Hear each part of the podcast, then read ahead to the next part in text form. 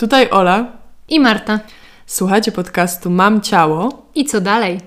Gadamy między sobą i z zaproszonymi gośćmi o tym, jak postrzegamy swoje ciało, co od niego dostajemy i czy w ogóle jesteśmy w stanie się z nim dogadać. Podcast o ciele.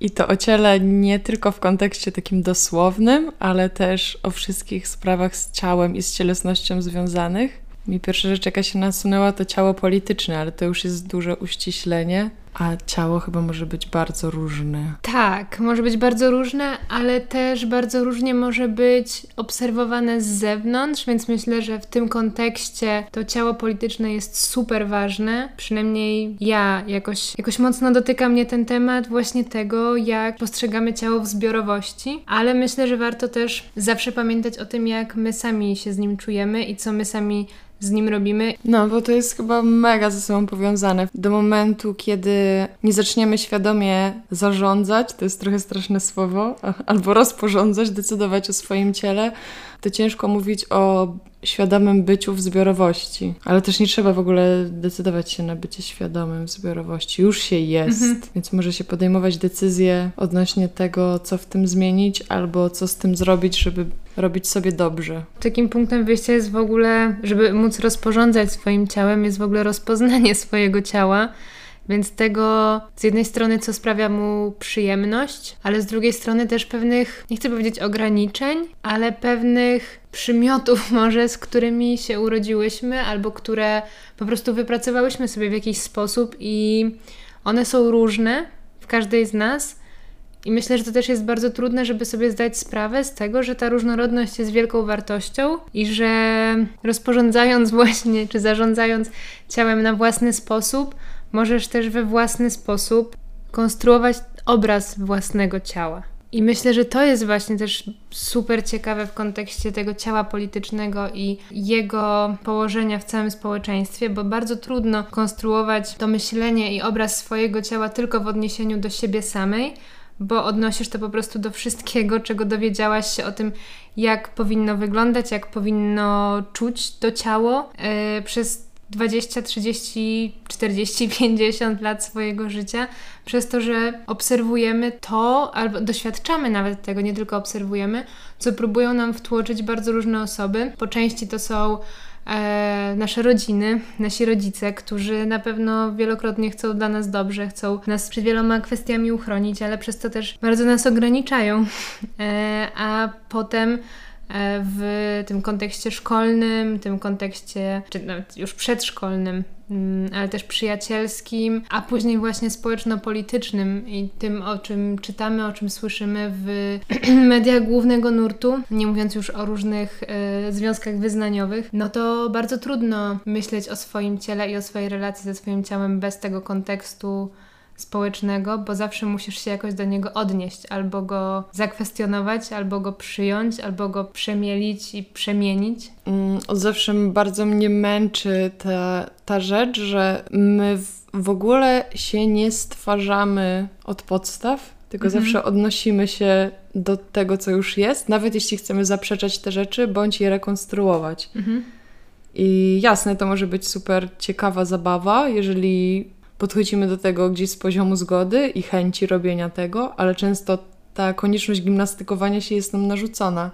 Pierwsza, w ogóle jak mówimy o, tym, o tej polityczności ciała, to wydaje mi się, że, że warto też pogadać o tych y, aspektach, do których może się odnosić, nie? Czyli siłą rzeczy, no ten aspekt, który nas na przykład łączy, no to będzie płeć jako pierwsza rzecz i wydaje mi się, że ta płeć jest bardzo upolitycznioną cechą naszą gatunkową i, i już w kontekście tej płci, też nawiązując do tego, o czym mówiłaś, choćby z rodziną, z rodzicami, ba do bardzo wielu rzeczy jesteśmy przyuczane już od samego początku. Mhm. Dla mnie takim klasykiem jest złącz nogi.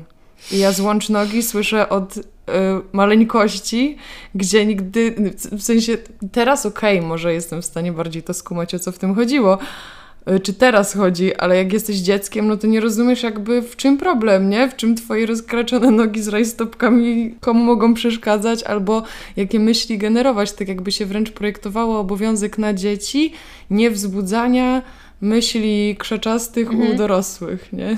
I też od razu przychodzi mi na myśl to, jak potem funkcjonujemy w relacjach z innymi ludźmi i jak bardzo inaczej funkcjonujemy niż chłopcy wychowani na mężczyzn i że to od razu uruchamia po prostu we mnie no bardzo, bardzo, bardzo dużo kontekstu. Określenie tego wypowiadania się z perspektywy płci wydaje mi się istotne, bo w ogóle w takich dywagacjach na temat ciała i polityczności tego ciała i w ogóle tego, że my się wypowiadamy w kontekście y, doświadczeń swoich, a nie cudzych, no to spoko jest określenie w ogóle, jaka jest ta perspektywa, nie? Że, że chociażby jesteśmy cis dziewczynami, czyli jest zgodna nasza płeć, którą realizujemy, performujemy mhm. na co dzień z tym, jaka została nam przypisana przy urodzeniu, Pewnie nie zrozumiemy różnych bolączek i rozkmin osób, które są innego koloru skóry niż białe. Na pewno to też będzie związane z kulturą i wyznaniem dominującym w naszym kraju. Mi się wydaje, że moja cielesność jest na mhm. maksa związana z chowem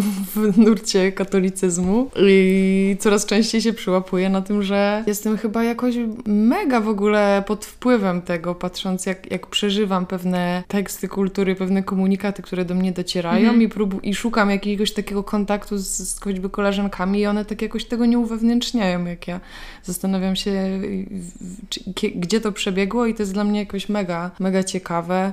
No jesteśmy pełnosprawne, więc to też jest super ważny kontekst. Ja się czuję w pewien sposób uprzywilejowana. Mm, o, to tak.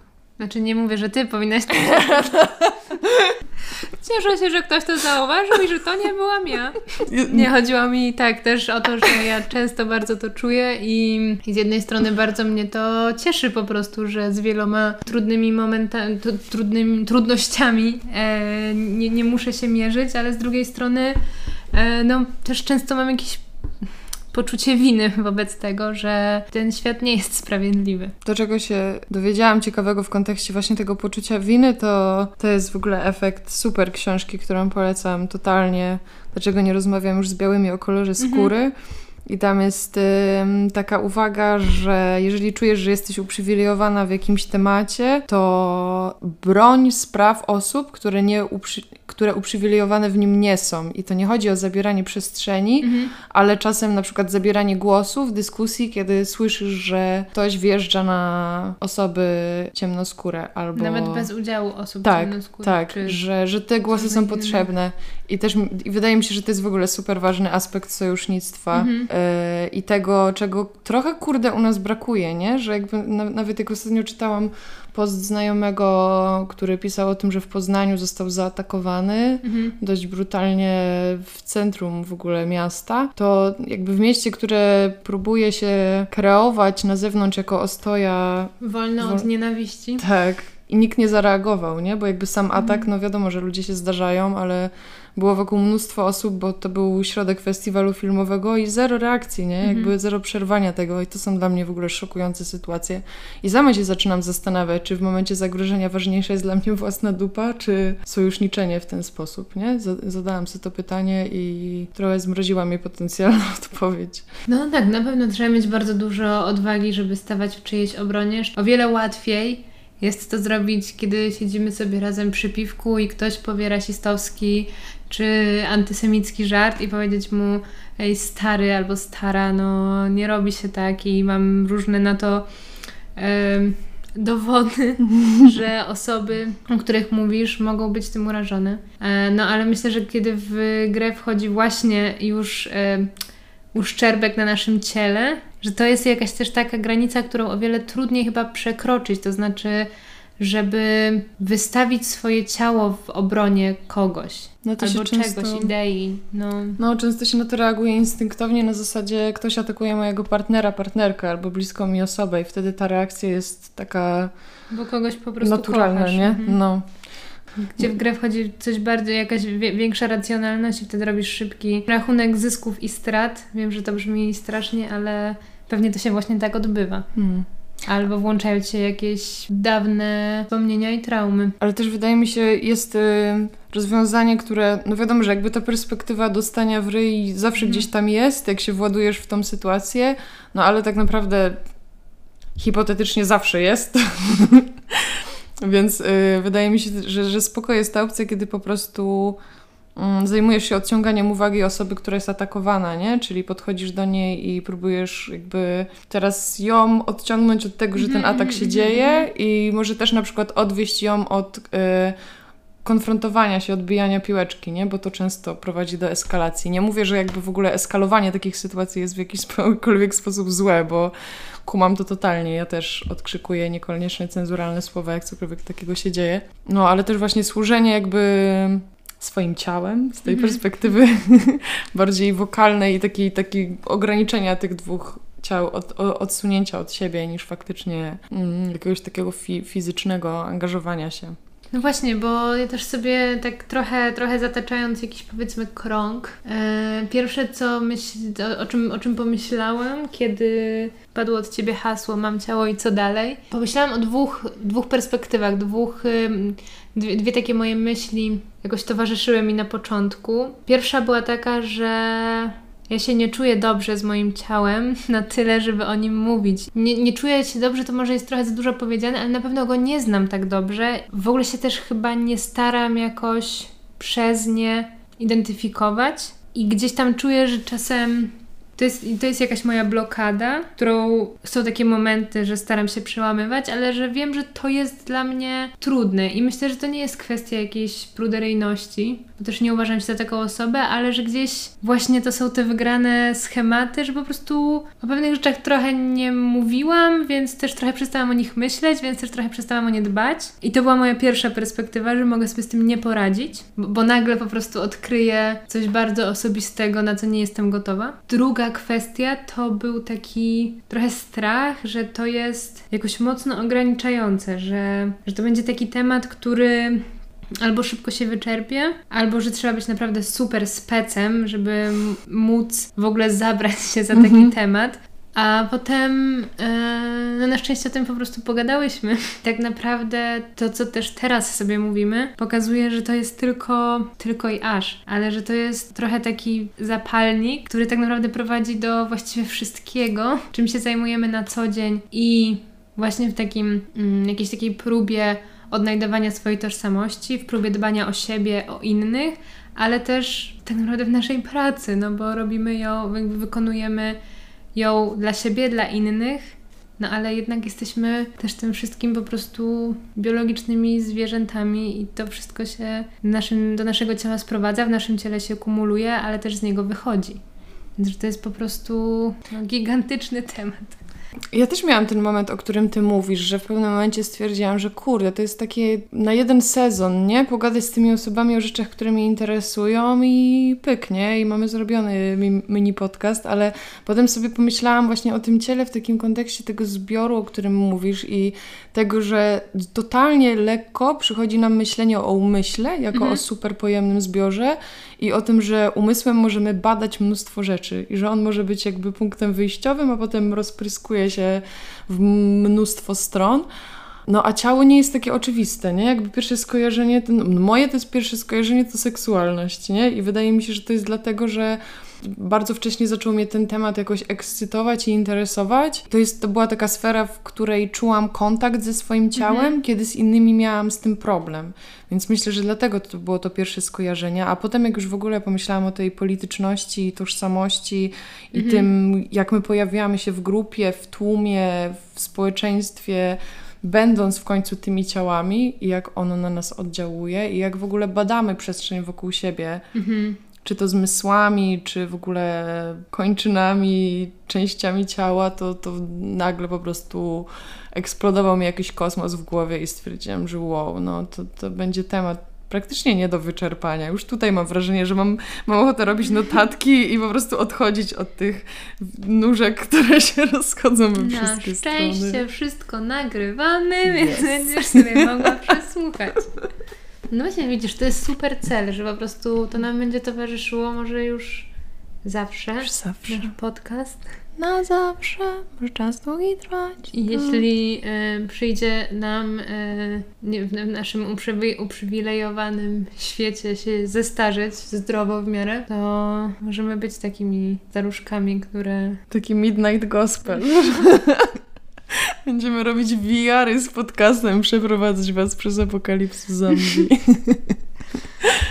A jeszcze też chciałam się odnieść w ogóle do tej swojej kminki odnośnie tego czucia się z tym ciałem i w ogóle e, mnie to w ogóle zastanawia totalnie, ile jest w praktyce z ciałem jakiejś takiej powierzchowności, mhm. nawet u osób, do których jakoś tam czuję, że się zaliczam, które na przykład bardzo się ekscytują czynnościami związanymi z ciałem, typu jedzenie bądź bzykanie.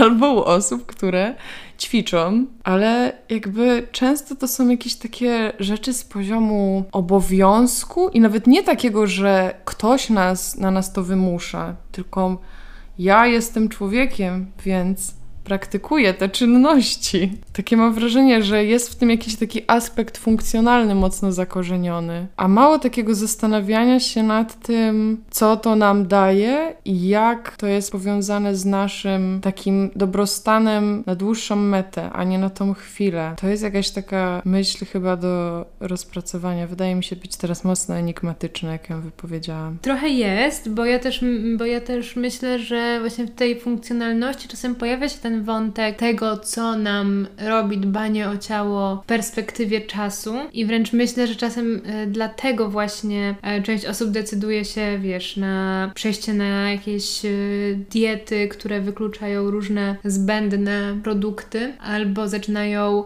faktycznie regularnie ćwiczyć, biegać czy cokolwiek, właśnie z taką myślą, że chce się wolniej zestarzeć, że chcę, że okej, okay, dzisiaj się dobrze czuję, ale wiem, że to nie będzie wieczne, więc żeby, żeby się lepiej czuć w przyszłości, mm -hmm. no to ja teraz muszę włożyć w to dużo pracy. Trochę wiesz, jak z takim funduszem emerytalnym, że no. ja teraz muszę na niego odkładać, żeby mieć potem z czego czerpać. I tak samo wydaje mi się to jest w kontekście E, fundowania swojemu ciału tej tężyzny i zdrowia, żeby potem po prostu móc dłużej z tego ciała pokorzystać.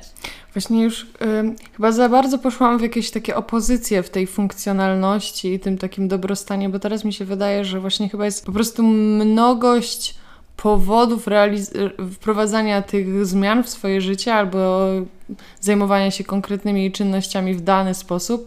Tak jak sobie myślę, że są osoby, które zajmują się tężyzną chociażby, żeby mieć natychmiastowy efekt i mhm. móc go teraz obserwować, a są osoby, którym właśnie bardziej będzie zależało na tym odkładaniu. Jest w tym jakiś taki aspekt, e, że to ciało też na, podkreśla trochę to, jaki mamy stosunek do czasu w ogóle mm -hmm, i tego, czy bardziej żyjemy w przeszłości, teraźniejszości, czy przyszłości, nie? I ja się mocno zorientowałam jakiś czas temu w tym, że ja bardzo mocno jestem w przeszłości, że mi się wydawało, że ja ciągle odkładam rzeczy na później i myślę o tym, co będzie kiedyś, a w pewnym momencie się zorientowałam, że, że nie, że wiele rzeczy, których nie realizuję teraz, jest usprawiedliwionych, bo w przeszłości coś było, bo się coś wydarzyło, bo ja mam usprawiedliwienie, bo nawet ktoś inny wcześniej w mojej rodzinie doświadczył mhm. czegoś, przez co ja mogę sobie odpuszczać, nie? No ale też pytanie, czy to jest takie, mogę sobie odpuszczać, czy muszę sobie odpuszczać, bo nie przeszłam jeszcze tego momentu, kiedy się z czymś uporałam albo coś zrozumiałam. To jest właśnie, czy ty wy to wybierasz, czy po prostu trochę nie ma czasem wyjścia i trzeba. Może masz rację, może więcej wyrozumiałości po prostu. Jeden z celów, myślę, do wpisania sobie. tak, be kind to yourself. And learn English. It's so memable. To myślę, że to jest dobra puenta.